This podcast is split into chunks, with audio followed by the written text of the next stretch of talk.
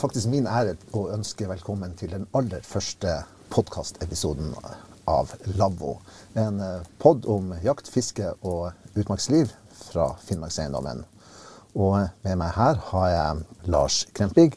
Du er friluftslærer på Alta folkehøgskole, som vi også samarbeider med når det gjelder denne podden. Jeg har eh, Marit eh, Mikkelsdatter Røyra Muru med. Hun er ei som har bakgrunn fra reindrifta, og har også skrevet bøker om tradisjonell samisk utmarksbruk.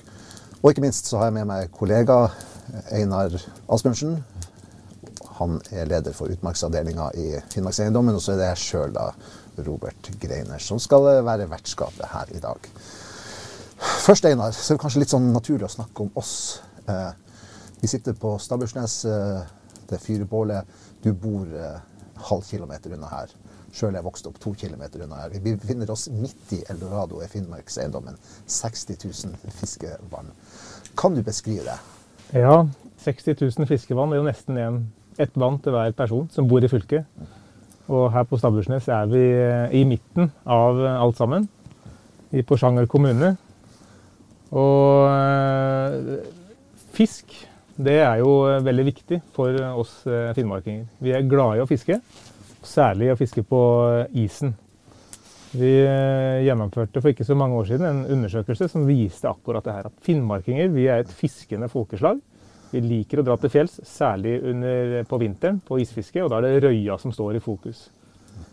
Eh, vi er mer eh, mataukeorientert enn resten av fiskerne rundt omkring. Og vi er, sjøl om rekreasjon og naturopplevelser fortsatt er det som står høyest også for oss i Finnmark. Og som et levende bevis på det, så har vi jo med oss Lars her, som i går kom stolt med et par øyer på tre-fire ja. hekto. Ja, det vil jeg si. Ja, de, ja, den er fin, den altså. Blank og fin røye. Rett fra Sennalandet. Ja. Mer, mer spesifikk enn det er det Nei, det, det, er så masse fine fiskevann at det, det, ja, det er 60 000 vann å velge mellom, og, og veldig mange av de er fantastisk gode. Og flott fisk. Og det er jo ja, jeg vil tro det er noe virkelig av det mest unike med Finnmark som eh, landsdel. Alle de fiskemulighetene. Så fantastisk. Men jeg har sett deg eh, legge ut bilder av noen sprekkferdige, knallrøde røyer. Ja. Svære som fra en annen verden. Ja. Kan du beskrive litt eh, opplevelsen av å få en sånn? Ja, det er gjerne Altså Kanskje den ultimate fiskeopplevelsen det er på våren. Det er godt og varmt. Det er kanskje både april og kanskje mai også. Eh, du, eh, du, ligger der og soler deg, og så begynner du å kikke ned i hullet. Og det er et svært fiskehull, og så er det grunt, og det er lys bunn. Og så kommer en, et monster av en fisk sigende forbi hullet. Og så går det et lite øyeblikk, så kommer det tilbake, så kanskje han med seg en fisk til. Og så går det til angrep på kroken, og så er det bonanza på isen. Og du, du kjemper mot den der fisken, og det, det, er bare euforisk, rett og slett. Og så får han opp på isen, så ligger han der blank og fin. Og det, det altså, det er en så fin fisk at det, det må bare oppleves for å liksom skjønne. Og så ikke minst er han fantastisk god å spise. Røye er uten tvil min favorittfisk å ha på stekepanna. Eller i, i gryta. Mm. Jeg har tenkt noen ganger når jeg ligger og ser ned i hølet, sånn at eh, fisker rett og slett har forskjellig personlighet. Du kan se at de etter hvert kan begynne å kjenne dem igjen på oppførsel. Ja, og det er også artig. og Plutselig er det en ny fisk som kommer, og så, og så er det en som du har sett før. og Det er mye på størrelse, men så kan det gå på farge. Og, så, ja, det, og, og, det å kikke ned i et hull, det er nesten som å kikke ned i en annen verden. Det, det er litt sånn eh, fictionaktig, på en måte. Og så ser du, ser du uh, små, uh, små marfloer som svømmer rundt. Og, og, det er liksom liv og kreps, og det er liksom et liv. Og så er det faktisk en litt sånn lukt i hullet. At du kjenner, du kjenner fiskelukta. Og det er altså Det er, det er sånn sanseopplevelse som er helt, helt fantastisk. Det er stor naturopplevelse. Ja, det... Bare ligge og kikke i det, ja. den verden. Og ofte så er det jo sånn at den bare forsvinner og blir borte, og du blir frustrert. Og, og eh, litt ja, frustrert, er rette ordet. Og, men det, det, er en del av opplevelsen, og det, det, er jo veldig mange fisketurer du ikke får noen ting. Greit å ha med, kanskje, akkurat det ja. siste der. Marit, mm. hva er isfiske for deg? Isfiske for meg er vel eh, litt seinere på året. Sånn som jeg vokste opp med. Fordi at eh, Som du sier, jeg har bakgrunn fra reindrifta. Så i hvert fall min familie har ikke bedrevet eh, isfiske før vi har kommet til sommerboplassen med reinflokken. Men etter det så er det isfiske helt til isen går. Så det, det er den uh, isfiskehistorien jeg har, da. Min, fra min bakgrunn. Det betyr kanskje så, at du er vant til å fiske på tynnere is enn de her? ja, så for tida så er min isfisketur det er å sitte på barflekken i, på land og fyre bål. Mens hvis jeg skulle vært med Lars på fisketur, så kunne Lars sittet på isen og fiska mens jeg fyrte bål og kokte kaffe. Så kunne han komme med fersk fisk. Så kunne vi Da skulle vi kose oss godt. Da skulle vi kose oss. Men det blir ikke jeg som drar ut på den tynne isen. Har du hatt noen opplevelse med det?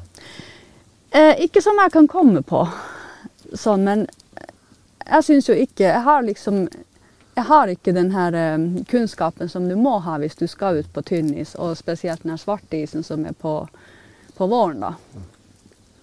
Så jeg har ikke opparbeida meg den kunnskapen i og med at jeg ikke har vært så mye på isen heller. Jeg tenker kanskje at kunnskapen er å ikke gå dit, i hvert fall for meg. Ja, det, det er den jeg lever etter nå. Jeg, jeg syns jo faktisk at det er litt av eh, ikke moroa, men litt av spenninga er faktisk også litt det at det her kan faktisk brase sammen. og du kan bli litt blaut. Men eh, stort sett så fisker du på så grunt vann vet du, at du kan jo stå der. Eh, hvis det er sånn nålis og du går igjennom, så kan du stå der. Så, men det, det, er utrolig viktig det å, å være litt eh, Ja, ikke ta for store sjanser. Så få på dypt vann, da. Ja, jeg er ikke helt der, da, men, men Mark, jeg holder meg på land. Hvis du skal beskrive det der eh, sånn eh, fordi at altså, Hvorfor er ikke april den store isfiskemåneden, men, eh, men, mai? Nei, for oss så er det jo Vi har jo um, Begynner jo reinflyttinga i april, kanskje mot slutten av april. Så da er man jo opptatt med det helt til man kommer frem til sommerboplassen. Men det er jo mange, mange reindriftsutøvere som flytter litt andre steder enn der hvor vi er. At de har litt lengre flyttevei. Så det er jo mange som stopper for å fiske underveis. Det er det jo. Mm. Men vi har ikke den, den flytteveien. Hvor, hvor viktig er da eh, denne type fiske når man er på vei fra, fra innlandet til kysten for sommerboplass? For de som har lang flyttevei, så er det jo selvfølgelig en matauk. Og, og, det er jo for meg også sånn at uh, røya smaker jo best om våren. På samme måte som multa smaker best når, når den er moden, altså på den tida. Og, og tørka kjøtt smaker best på våren, den òg. Men det er jo den at du har på en måte um, levd det livet. Så det, visse matretter kommer til visse tider på året. Og det, så den, den, sitter enda igjen. Ja. Så jeg tror at isfiske om våren for de som flytter ut til kysten med, med rein, det, det, er også litt den der at du må ha den ferske fisken da på, ut på vårparten. På indre strøk så er det jo isfiske også før jul. Ja. Altså i, i mørketida. Mm. Uh, med bl.a. garnfiske under mm. isen. Ja. Hva, hvordan foregår det? Det, jo, eh, det, beste er jo hvis det er blank is, altså gjennomsiktig is. Spesielt hvis du skal Man har jo trukket not også under isen. Og er jo, da er det jo veldig greit å se eh, hvordan denne nota går inn.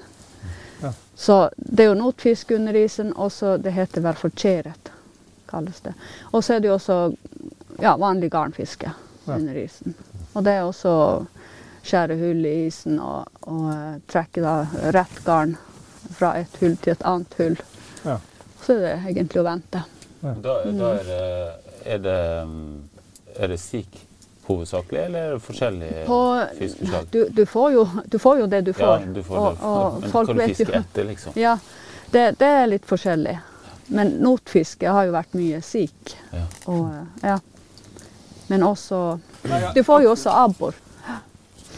Hva fornøyelse, da. Kan være. det kan det nok være. Men må man, så må man. Ja.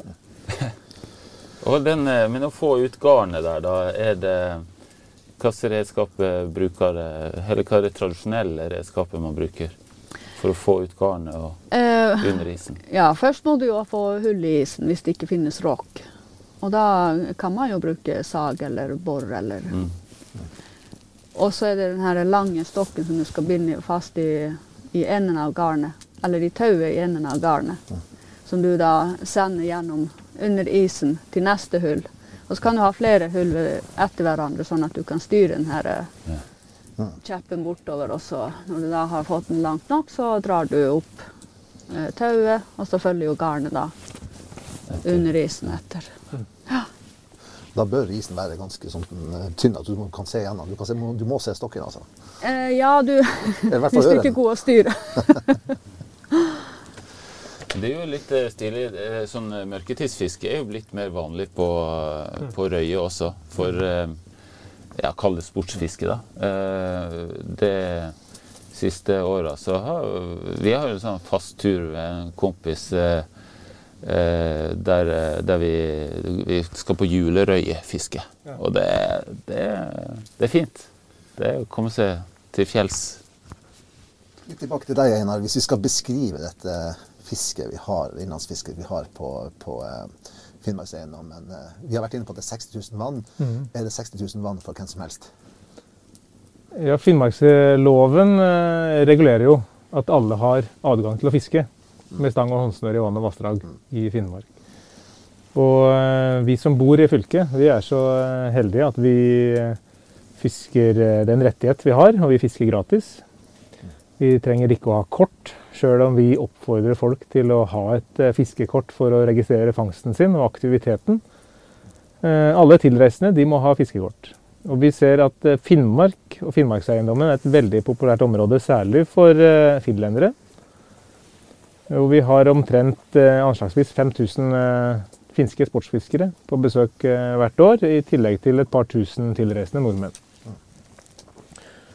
Um, siste årene så har vi eh, innført et eh, bostedskrav Norge i perioden 15. mars til 15. juni, fordi vi har eh, sett at økt trykk fra finske sportsfiskere har ført til en del fortrengsel og for de lokale rettighetshavernes tilgang til innlandsfiske. Ja, det er veldig god plass for alle som ønsker å fiske. Og så er det også eh, fiskekort, altså, og ikke minst frivillig, fangst, altså frivillig fiskekort for de fastboende, og også fangstregistrering. Kan du fortelle litt om det? Ja, det innebærer at som sagt så er det gratis eh, for oss å fiske, men vi har et frivillig registreringskort. Der vi oppfordrer de lokale til å registrere aktiviteten sin og fangsten sin. Eh, Det gjør at vi får mer kunnskap om vår egen utøvelse av fiskeressursen. For eh, det er en eh, utfordring i forvaltninga at vi har veldig god oversikt over hva tilreisende står for av fiske og fangst, mens vi vet litt mindre om vår egen bruk. Sjøl om vi vet at finnmarkinger generelt er ivrige i å fiske, og da særlig på isfiske, som jeg er innom tidligere. Når man kommer til et vann, vi kjenner alle til den eh, forventninga til hva som er under isen.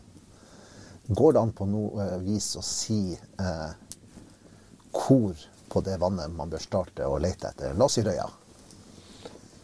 Ja, eh, det fins det mange triks for det, da. Jeg sjøl prøver å se etter plasser som ikke er for dype, ikke og som passelig grunne. Og gjerne ved utløpet. Der vil det gjerne være litt strøm, litt drag i, i vannet. Og jeg begynner ofte i utløpet av et vann.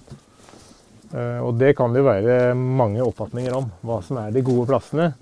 Men eh, lete etter eh, utløp, det finner du på kart. Og i tillegg da bore ganske mange hull, for fisken er i hvert fall litt tidlig på vinteren, så er den ganske stasjonær, og du må lete opp fisken. Og da er det sånn at eh, bor så mange hull du klarer, så får du mer fisk. Og gjerne finne overganger mellom dypt og grunt. Der fisken liksom kan transportere seg mellom. Det er også eh, giftige områder ofte. Hva er det å si om eh, april og Røya? Hvor- er, hvor- er Røya da, for å si det litt sånn? Ja, det, den er nok, eh, kan være mange steder, og godt fordelt eh, over, over vannet. Men en røya er jo en kaldtvannsfisk som i større grad enn f.eks. ørreten eh, er i aktivitet også om vinteren, og, og spiser også om vinteren. Og da, jo, da skal den gjerne innom områder som, eh, som har eh, lys, som slipper ned. At den er i, innom litoralsonen, da, som det heter på fagspråket, på grunne vannområder. Så det vil ofte være gode plasser for å fiske. Kjenner du deg igjen i det, Lars? Ja. Du som pleier å få fisk? Ja, eh, jeg pleier og pleier. Å, det er mange bomturer òg, som sagt. Ja, det kjenner meg veldig igjen i det. Eh, Men eh, litt sånn tips, da. Det, det er å snakke med lokale folk. Som kanskje har vært eh, hvis, hvis du er litt sånn eh, Hvis du skal inn i et område der du ikke har vært før, og, og har lyst til å prøve å fiske der, så snakk med lokale. De, de, det er ofte de samme plassene som er, er det gode fiskeplasser hele tida. Ehm, hvis man er på et ukjent eh, område og ikke kjenner noen og ikke får tid til å snakke med kjentfolk, så er det å faktisk eh, se litt på kartet, som Einar sier, der det er grunt. Eh, men det er et kjempefint hjelpemiddel vi har nå da, i vår teknologiske verden, er jo det med satellittfoto. Eh, jeg går, eh, personlig så syns jeg det er veldig fint å gå inn på finn.no og gå på kart. Og så søker, finner du vannet du skal fiske på. Og så, eh, og så switcher du over på flyfoto. Og eh, da får du eh, I mange tilfeller så ser du grunner, sånn som Einar snakker om. Og, og så kan du sammenligne det hvis du har med GPS. Så kan du på en måte finne den plassen på vannet når du fysisk er der. Og så kan du bore der. Da, da kanskje du har litt større sjanse, kanskje ikke. Det, det er jo av magien med det her med fisk, at du vet jo aldri. Eh, men eh, veldig ofte så slår det til, da. At det, det er bedre der det er litt grunt, og gjerne overgangen mellom grunt og djupt. Eh, akkurat i brinken, liksom. Der eh, det er hotspoten. Mm. Så det, det kan være et tips, da. Dette er jo gjerne en, en tid av året hvor det er mye trafikk på vannene. og Vi som bor i Finnmark vet også det at uh, skuterløypene de går uh, bare til, enkelt, uh, til enkelte vann. Uh, altså Ergo så blir det mye folk på de her eh, vannene der vi gjerne er. Har det noe å si, eller påvirker det fisken noen, på noen måte? Jeg tror ikke det påvirker fisken. Altså, det er nokså jeg har ikke noe inntrykk av det. Det, det er heller altså, Men det er altså så mye sånn uforutsigbart og liksom magisk med fiske. For du, du kan være en svær gjeng som sitter Og det er jo gjerne det fine med isfiske, at det er veldig sånn sosialt. Du sitter nå der og prater, og kanskje du har bål, kanskje du har ved med ut på, ut på isen og ligger og snakker mens du fisker. Og, eh, og plutselig er det noen som får fiske ett hull. Eh, og du sjøl sitter to meter unna og har kjempetrua, men det er bare det hullet der to meter unna som eh, funker. Og, det, og da kan du også bli litt frustrert, men eh, så kan du liksom spandere litt sjokolade, og så, og så får du kanskje låne det hullet litt, da, så kan, kan du få fisk du òg. Og det, altså, det er så mye uh, ja, uforutsigbart med isfiske at det er stor del av moroa, for å si det sånn. Men Robert er jo inne på eh, noe vesentlig der. da, At vi har, vi har så mange vann. Og så er det mm, ofte noen sånne spesielle vann som løypa går til, og som alle skal til. Og noe, man kan med fordel da prøve å være litt kreativ kreativ og gå litt utafor de hovedtråkkene. Ja. Og så plutselig ha noen nye vann som ingen har fiska på hele vinteren, kanskje. Og da kan man uh, få noen eh, store overraskelser. Ja. Kom til å tenke på en historie når du sa det her med at man kan sitte i et gjeng. Jeg var med en gang også eh, med familien da, og eh, jeg hadde et veldig godt bett i løpet av en time. Jeg tror jeg hadde noe sånn som en 10-12 røye på den, den eh, stunda der. Og så eh, sto moderen ikke altfor langt unna, fikk ingenting. Så sa jeg til henne kom og prøv deg, hør det her. Og så kom hun over da, og så fiska hun. Skjedde ingenting. Og så ga jeg henne pilka mi. OK. Og da fikk hun. Jeg tror hun fikk én eller to, og så var dette over. Ja. Så det er noen sånne, her- Du blir aldri helt klok på det der. Jeg kom Nei. også til å tenke på en annen historie. her. når jeg først, vi Ja. først sitter og snakker om det her, eh, med at det er mye trafikk på vann og sånn. Eh, En av de største røyene jeg noen gang har fått, den fikk jeg faktisk når eh, vi akkurat hadde ankommet og hadde laga et høl. Og eh, tanta mi sto og slo i isen med en spade for å lage sitteplass. Og en scooter sto til med oss og gikk og dura. Vi var som sagt akkurat campa. Jeg skulle bare sette ut pilken for at den skulle stå der. Og der røk noe i, altså. Så ja. Og det er litt typisk. eh, Det sier noen når jeg var på tur med eh, klassen min eh, på Alta folkehøgskole i går. Så, så snakka vi jo akkurat om det her at eh, du borer hull, og så slipper du ned pilka helt ned til bunnen. Og, og de første draga er ofte Det er ofte da det skjer. Og mm, da skal du være litt på hugget og ikke sove i timen, på en måte. Og, og eh, eh, ja, være klar. Og hvis det, hvis det ikke skjer noe på en stund, så hjelper det ofte, er nå min erfaring, å slippe eh, skeia ned på bunnen og liksom dunke det ned i, i, i, i bunnen, da, og så virvler opp litt sånn eh, gruff nedi på bunnen. Og det tror jeg trigger eh, av og til fisken, da. Så det kan også være med å, å hjelpe til, da. Når du først har vært så heldig å få røya, da, eh, f.eks. de to du har med Ja. her eh, Hvis vi kan gå over, i avdelingen for matprat og ta runden her. Eh, Marit, hva pleier du å gjøre med den? Det steke i stekepanna. Ja. Det smaker best. Men det er også Vi koker jo ganske mye fisk òg. Det blir kokfisk og salter. Hva er tilbehøret da? Potet og smør. Rød potet og smør. Behøver ikke så mye mer. Lars nikker. Ja. ja, og eh, av og til så er det nok å bare maule fisk, altså. Bare maule fisk, det er jo kjempegodt. Eller ha med seg polarbrød og majones og liksom eh, bare har det på skiva eller på polarbrød. Ja, det er også Det er mange måter å gjøre det. Vi pleier ofte å filetere. For å, det, det har jo kanskje litt med at jeg har unger og, og for å få gi unger den gode matopplevelsen og bli glad i fisk, så tenker jeg at eh, da legger vi litt til rette for det, og da har jeg ofte filet, eh, filetert fisken og gjør den beinfri og delikat. da. De årene jeg bodde i Kautokeino, så fikk jeg veldig sansen for å koke røye og, og sik. Og en erfaring jeg eh, gjorde da, eller merka, det at hvis du har en fisk som ikke er helt prima kvalitet, da faller den gjennom når du koker den. Det er ikke så godt å koke, men du kan kamuflere den med rikelig med smør i stekepanna. Men den fineste fisken, sånn som den her kvaliteten du har der, den kan du koke, og da er den best kokt. Det var liksom det jeg Og gjerne drikke buljongen til. Ja, da drikker du buljongen til. Men hvis ikke fisken er av topp kvalitet, Ja. så blir det litt sånn skjemtsmak, sånn, og da, da er det bedre å steke den. Men eh, sånn i, eh, bruker dere, Marit, bruker dere mm, laurbærblad og -mm. Er det, nei, det er ikke noe samisk? eh, Det er ikke noe Det Nei. Det skal være rene råvarer. Ja. Ikke noe Kun salt. kun salt. Ja. Jeg har vært borti en gang at vi fikk eh, ganske store røyer på et vann som er kjent for å ha litt sånn myrsmak. Det vi gjorde etterpå når vi, vi, kom hjem, da, det var at de tok og salta den etterpå. Da kunne du fjerne en del av denne, denne smaken. der. Så, så hvis det ikke er litt sånn tipp topp eh, kvalitet, så kan du salte den nesten som du salter laks, f.eks. Ja. Og så blir den litt sånn tettere i kjøttet, på en måte. Litt fastere i fisken, rett og slett. Og etterpå tynne fileter det der, f.eks. Eh, sammen med egg. Prima mat. Altså. Vi har eh, en av de faste postene som vi skal ha i, i denne podkasten. Den har vi bare kalt eh, I sekken. Eh, og da skal du, Lars, eh, fortelle hva det vil eh, si. Ja, eh, eksempelvis nå sitter vi her og prater om eh, isfiske. Så hva skal man ta med på en isfisketur? Og så med i sekken i dag så har vi jo selvsagt et eh, isbår. Ja.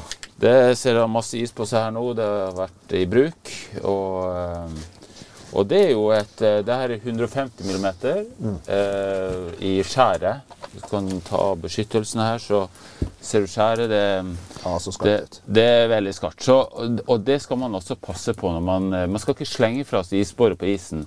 Da kan man tråkke på, og kanskje har man hunder med, så tråkker de på skjæret. Man skal alltid sette boret ned i isen. Og når man da drar hjem fra tur, eller hvis man skal overnatte, da, så må det heller ikke stå på isen, for da plutselig fryser det fast i isen. så det. Men isbor. Og da må, når vi nå snakker om skjæret, så må vi også si det at det er alltid med ekstra skjær. Det har jeg i fisketaska her. Eh, for ehm, Ja, nå ble det litt mye styr her, men, eh, men i eh, fiskeveska her så har jeg alltid med meg ekstra skjær. For det, det er fort gjort at man ehm, eh, kan bore ned i, i noe grus. Hvis du er litt uheldig, blir litt overivrig da, på å finne de gru, grunnene som vi har snakka om, så plutselig havner du ned i grusen eller ned i moll. Ja. Og da blir eh, skjæret som er barberbladskarpt, det blir eh, sva, eh, eller eh, ukvast og vanskelig. Og da blir det veldig tungt å lage eh, hull videre på fisketuren. Så ekstra skjær er stor fordel. Eh, ellers så er det jo eh, pilkestikker, da. Selvsagt. Og ei pilkestikke kan jo eh, det, fine med isfiske er egentlig at det er eh, relativt billig utstyr. Og ei pilkestikke kan du lage sjøl av Her er jo gammel list som jeg har Ja, der, ja. bare, bare på en måte laga noe hakk i hver ende, og så bare kveiler du opp snøret. Eh, Bruker du trebbelkrok? Nei. Kroken Hvis vi begynner nederst, da, så er kroken. Ja. Og da jeg bruker faktisk litt store eh, sekserkroker eller noe sånt, tror jeg. Det er så nokså stor makkrok. Jeg, jeg, jeg skifter faktisk alltid ut den kroken som følger med skeia. For rett over kroken, eh, sånn hva er det, 10 cm, over kroken så er jo pilkeskeia. Og um, de eh, fortaumene, altså det snøret mellom kroken og, og skeia, er ofte litt tynne, de som følger med. Så det er jo Hvis du endelig kanskje får ei sånn to kilos så ryker den. Det er kjipt, altså. Det er skikkelig nedtur. Så jeg skifter alltid over til 0,40 snøre. Da kanskje, Hvis det er gjeddefiske, så er det kanskje fordel å bruke en vaier. Ja. Sånn, eh, Gjeddefiske er jo vanlig å ha Du får jo kjøpt sånne egne vaierstumper til eh, gjeddefiske, faktisk. Og Gjedda vil nok fort gå rett på skjea. Ja. Ja. Da er det jo tennene, Ja. mer enn vekta, som liksom filer av det. der, Så de har så skarpe tenner. Og du får jo faktisk eh, skeier med hull i, så du kan feste kroka Mm. i skeia også. For det har jeg ofte opplevd at røya kommer og så bare napper i For det røya også kan nappe i, i skeia. Mm. Og så legger jeg merke til at du bruker eh, blink. Ja, som står og. Den eh, nå lurer jeg på om bat- Jo, se der. Eh, Når du fukter den eh, Det er en sånn liten sånn ja, batteristørrelseaktig blink som eh, har hengt over skeia. Og når den kommer i kontakt med vann, så ser du den blinker sånn. Det, det her tilfellet er rødt, da. Og så har du grønt og blankt og oransje og blått og alle juletrefarger. Men, men det er gjerne noen vi, man bruker nå på, på det mørkeste i, i, på vinteren. I mørketida. Så nå når det blir lysere, så har ikke det her så mye eh, funksjon lenger, tenker jeg. Selv hvis du skal la eh, redskapet stå over f.eks. natta. Ja, da, mm, da kan det være lurt, da.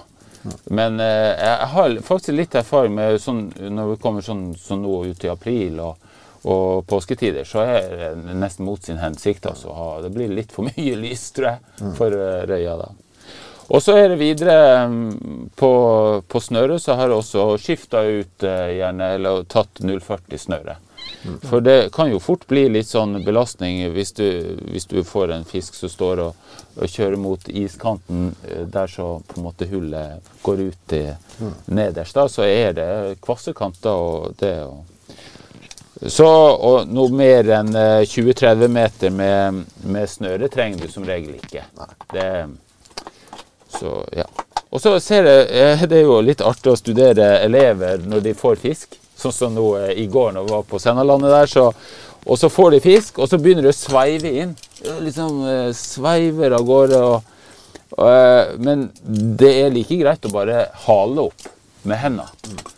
For da har du ofte, hvis det er en stor fisk, da, så du, har du litt sånn snøre å slippe ut. Og, så det, man haler bare opp fisken, da. Så litt sånne andre greier som er med. Oppi fisketaska her har jeg isøse.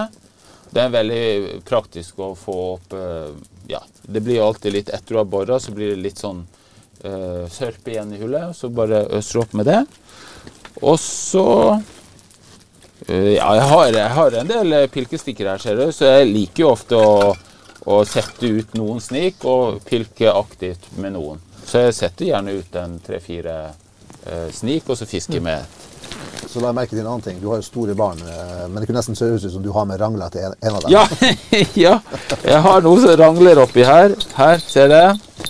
Eh, Det er ja, litt av rangle. Og den eh, Vi kaller det bjeller, da. Nå kan vi ta litt av det riset her. Så hvis man eh, Hvis man setter ut en snik, Ja. så kan man sette den eh, på skrå i hullet. Ja. Eh, sånn, at han, også, sånn at snøret går eh, på tuppen av den, eh, den buska. da. Og så, så, så sørger du for at snøret går rett midt inn i hullet. At det ikke står inntil iskanten. Og så når Så kan du gjøre ja, det er mest for at den ikke skal fryse fast i kanten av fiskehullet. I så fall, Hvis den skal stå over natta, så er det viktig, for da det, Hvis du skal trekke det opp neste dag, så er det viktig at eh, da kan den fort fryse fast. Og da kan du slite med å få opp eh. Men eh, la oss si det er midt på dagen, og du skal fyre bål og kose deg på rabben til Mari sammen med Marit, da, og kanskje steike noe fisk, så kan du ha uten noe snik, og så plutselig hører du Nei, det er spennende. Og så ser du buskene forsvinner ned i eh, bunnen der, og da springer du som gal ut på isen, og så er det tjo, hei og sprett og god stemning. Det så det er fint. Ganske barnevennlig også, kan det være. Ja, det er fantastisk. Og unger blir jo gjerne litt sånn lei fisking, og så kan du lage et skihopp og, og ha uh, påskerenn. Eh, samtidig som du fisker. Så det, og så hører du bjella, så blir det en liten pause, og så, og så er det en ny hopprunde. Så, nei, det er kjempefint. Så bjeller, er- bjeller er gull. Ja, det var egentlig det. det eh, ja, fiskevekt har jeg også, faktisk. Det er jo litt stas å finne ut hvor stor fisken er. Ja. Så, Men, hva har du på kroken? da? ja, oi. Det har vi jo helt glemt. Eh, Selvsagt, den må du jo agne med ting. Nå har jeg ikke med det her nå, men eh, maggot er det jeg bruker mest. Så eh, da egner du med maggot. Det er jo spyfluelarver, er ikke det det? Og da kan du kjøpe hvit og rød, og det er bare hva du sjøl har trua på.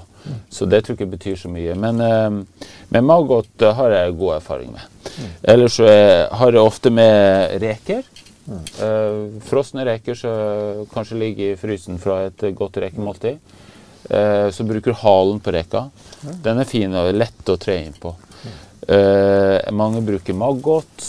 Eh, nei, altså makk. Vanlig makk. Som du også får kjøpt på, på sportsbutikker. da. Meitemakk også.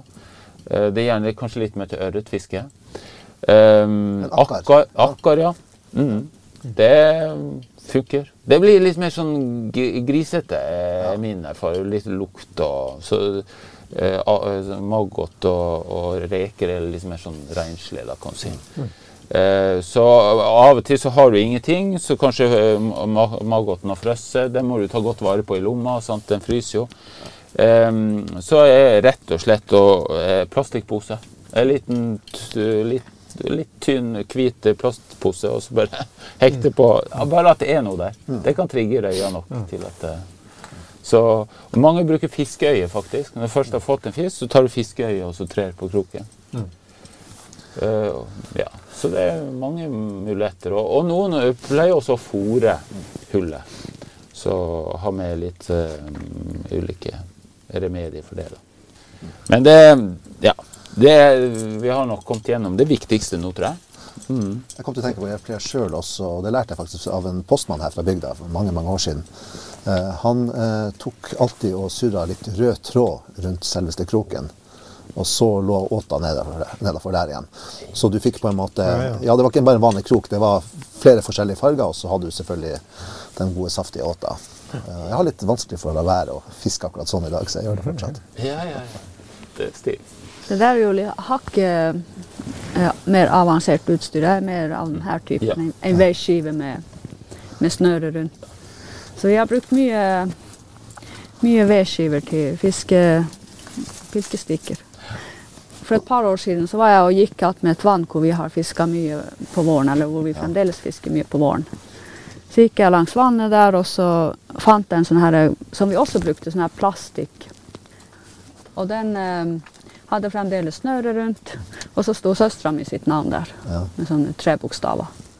Det var litt artig. Jeg tenkte ja, her har vi vært veldig mye. Så den var gammel. Hun huska ikke den sjøl, at hun hadde mista den. Jeg kom til å tenke på en onkel av meg eh, når du sier det der. Han eh, lagde pilka si på sløyden som barn. Og han har fortsatt å bruke den. Og så har vi jo vært på fisketurer der han har vært den som får den største. Ja. Og så sitter vi andre der med den moderne pilken og Ja. ja. Ikke like høy hatt, kanskje. Og så, som Lars sier i sted, at hvis du skal finne fisken, så må du snakke med lokale. Ja, det kan du godt gjøre. Du kan snakke med de lokale. Det er ikke helt sikkert du får Det er helt sikkert du får det riktige svaret. Ja, det- du kan bli lurt trill rundt. Altså sjansen eh, Det er et eh, risikoprosjekt, ja. ja. Ja, det, og det jeg husker eh, også jeg har erfart at får man mye fisk på isen, så for all del ikke, ikke sløy det så det er masse sløyd, slø- slø- sløyerester rundt omkring der, fordi det avslører for alle andre at her er det bra med fisk. Jeg må innrømme at når jeg har kommet til vannet og sett blodspor, så har jeg blitt der, altså. ja. Uten at det nødvendigvis har hjulpet hver gang. Det, Blir litt sånn trigga av rød snø. Og så hvis du fisker gjedde, så kan du jo spå sommeren på gjeddelever, så du har mange muligheter til å finne ut hvordan sommeren kommer til å bli. Når det gjelder flom, om det blir vått, mye regn. På gjeddeleveren. Ja, gjeddeleveren, der eh, legger du leveren på en flat, en flat eh, stein eller en plank eller noe sånt. Så ser du hvor den er tjukk og hvor den er tynn. Så skal du liksom dele opp leveren i eh, eh, vår, sommer, sen sommer. Og så Ah, hvor den er tynn, så blir det tørt, og der hvor den er feit, så blir det vått. Men du ser at han Einar har uh, satt en uh, ny kubbe på bålet her. Og det betyr at vi har sittet her en stund. Da er vel kanskje tid for å lukke og låse for denne utgaven av uh, Lavvo. Jeg kan jo bare si at eh, eh, hvis du som lytter syns det her var OK, ta og huk av på abonner eller eventuelt follow, alt ettersom hva slags plattform du bruker. Og så eh, kommer vi med en ny episode i mai, har vi tenkt. Eh, og eh, ta også gjerne og legg igjen en anmeldelse av programmet hvis du eh, likte det, eventuelt ikke likte det du eh, hørte. Og for all del, del det gjerne med dine venner. Vi får si takk og farvel fra Finnmarkseiendommen i denne omgang. Et sted som er rik på natur, rik på kultur, som dere hører, og ikke minst rik på tur. Ha det bra. ha det godt. Ja, sitt fiske. Elletäällä vaan Mikulahalla.